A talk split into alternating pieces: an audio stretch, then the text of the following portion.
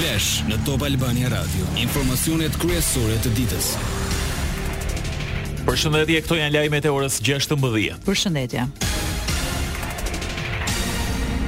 Për herë të dytë, deputetët e grupit Bardhi dhe Berisha bllokuan punimet e Komisionit të Reformës Zgjedhore. Mbledhja ishte parashikuar të mbahej sot, por deputetët kanë përdorur sërish të njëjtën strategji duke bllokuar punimet. Në sallë ishin me zhurmues, ndërsa deputetët e Partisë Socialiste u larguan. Alibeaj dhe deputetët e PD-së nuk u paraqitën fare. Kujtojmë se mbledhja u bllokua edhe të premten e kaluar nga deputetët e Rithemelimit.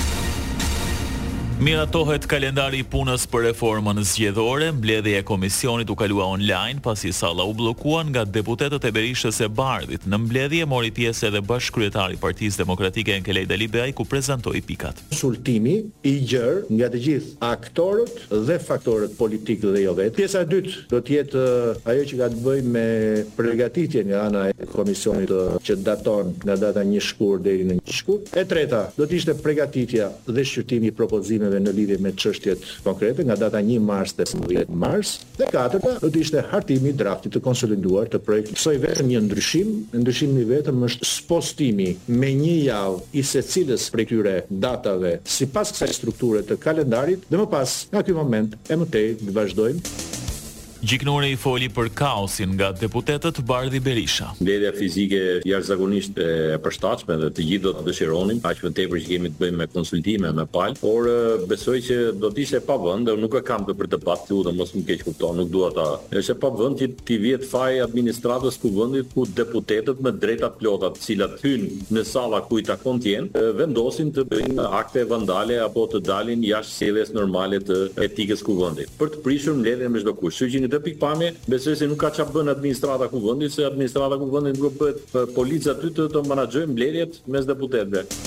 Gjiknuri shtoi. Kështu që nëse nuk ka një kundërshti, unë them të kalojmë në votim dhe ju lutem kolegëve të të dalin në kamera sepse e tillë është procesi i votimit, mazhoranca është, pra, Të gjithë jemi dakord, me shumicë votash kjo kalon.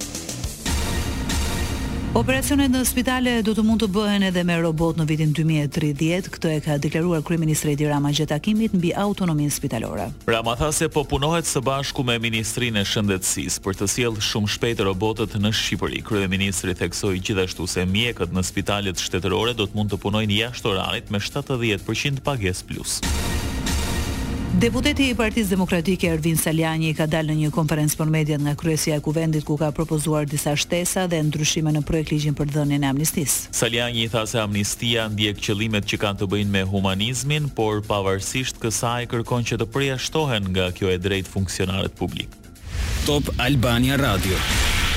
Një tridhjetë e pesë vjeçar ka rënë në pranga në Tiranë pasi mbante të mbyllur në banesë nënën, bashkëshorten dhe vajzën e tij të mitur. Jetnor Zhaboli për shkak të xhelozisë së jashtëzakonshme kishte vendosur dhe kamera në çdo ambient të shtëpisë, edhe në tualet dhe i monitoronte të gjithë në çdo kohë. Nga hetimet e kryera, i dhunonte vazhdimisht bashkëshorten e tij, ndërsa kjo e fundit kishte tentuar disa herë vetëvrasjen. Autori dyshohet se vuan nga probleme të shëndetit mendor. Një gjashtëdhjetë e gjashtë vjeçar është arrestuar në Tiranë pasi kishte mbyllur gruan në shtëpi me nipërit dhe mbesat dhe i kërcënonte se do t'i vriste me sëpatë. që të mos lajmëronin policinë. Policia bën me dije se ka arrestuar shtetasin me inicialet RS, ndërsa kanë sekuestruar dhe një sëpatë. Një tjetër ngjarje në Vaun e Dejës, ku është arrestuar pesëdhjetë vjeçari Petrit Lufi, i cili dhunoi dhe kërcënoi me jetë bashkëshorten dhe katër fëmijët e tyre të mitur. Pesëdhjetë vjeçari, i cili u arrestua në flagrancë në fshatin Toplan, ka kërcënuar me sëpatë dhe thikë. Ministri i Brendshëm Taulant Balla ka reaguar pas identifikimit të dy rasteve të rënda. për thirrje Policisë së Shtetit të rrisë forcën zbuluese për parandalimin e dhunës ndaj grave e vajzave. Balla thekson se nuk ka asnjë justifikim ndaj dhunës në asnjë vend. Nisur nga rasti i shfrytëzimit të një të miture nga mjeku 42 vjeçar Dervish Hasi, avokati i popullit ka rekomanduar ndryshime ligjore në Kodin e Familjes për të hequr të gjitha përjashtimet ligjore që lejojnë martesat nën tetëmbëdhjetë vjeç apo abuzimit me të mitur. Avokati i Popullit kujton detyrimin e shtetit dhe institucioneve për të garantuar një mjedis të sigurt dhe për të edukuar fëmijët mbi të drejtat e tyre, teksa përcjell një apel të fortë për hetimin e rastit dhe ndëshkimin e autorit. Lajme nga rajoni.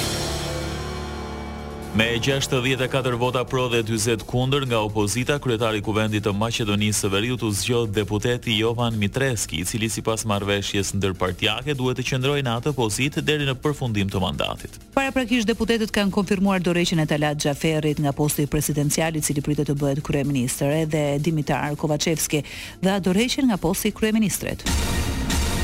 Situata e sigurisë në Ballkanin Perëndimor është ende e brishtë dhe ka potencial për tensione në Kosovë e Bosnjë-Hercegovinë, kështu është shprehur sekretari i përgjithshëm i NATO-s. Jens Stoltenberg theksoi se NATO-ja është e gatshme të kryejë mandatin e saj në Kosovë për të garantuar stabilitet, ashtu sikurse në Bosnjë e Hercegovinë.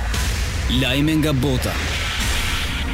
Gjykata Ndërkombëtare e Drejtësisë ka urdhëruar Izraelin që t'i marrë të gjitha masat për të parandaluar akte të gjenocidit në Gazë. Gjykata ka thënë se ka juridiksion për të vendosur për masa urgjente të kërkuara nga Afrika e Jugut e Izraelit, dhe në luftën kundër Hamasit në Gazë. Izraeli duhet t'i raportojë gjykatës brenda një muaji për të treguar se çfarë po bën për të zbatuar urdhrin.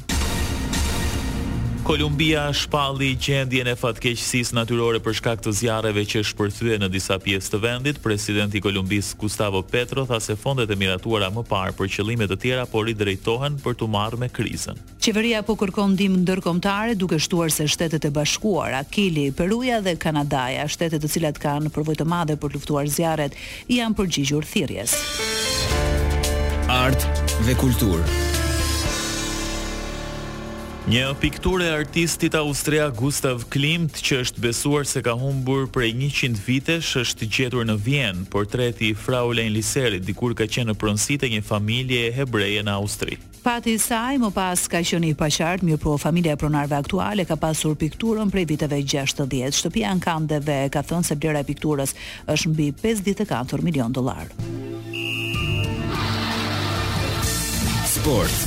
Kombëtarja shqiptare do të luajë një ndeshje miqësore me Suedinë. Federata Shqiptare e Futbollit ka arritur akordin me Federatën Suedeze që ky takim të luhet më njëzet e pesë mars dy mijë e njëzet e katër në stadiumin Friends Arena në Stokholm të Suedisë. Kjo do të jetë hera e gjashtë që dy përfaqësueset do të përballen në një ndeshje futbolli, Shqipëria dhe Suedia janë përballur vetëm një herë në një ndeshje miqësore, që është fituar nga kuqezinjtë me rezultatin dy me një. Parashikimi i motit. Orët në vijim, moti në vendin tonë do të jetë me kthjellime, ndërsa priten vranësira mesatare. Temperaturat luhaten nga minus një në gjashtëmbëdhjetë gradë Celsius. Ndoqët një përmbledhje të zhvillimeve kryesore të ditës. Edicioni informativ i radhës është në orën shtatëmbëdhjetë. Unë jam Eriselda Doko. Unë jam Edi Hallaçi. Kjo është Top Albania Radio.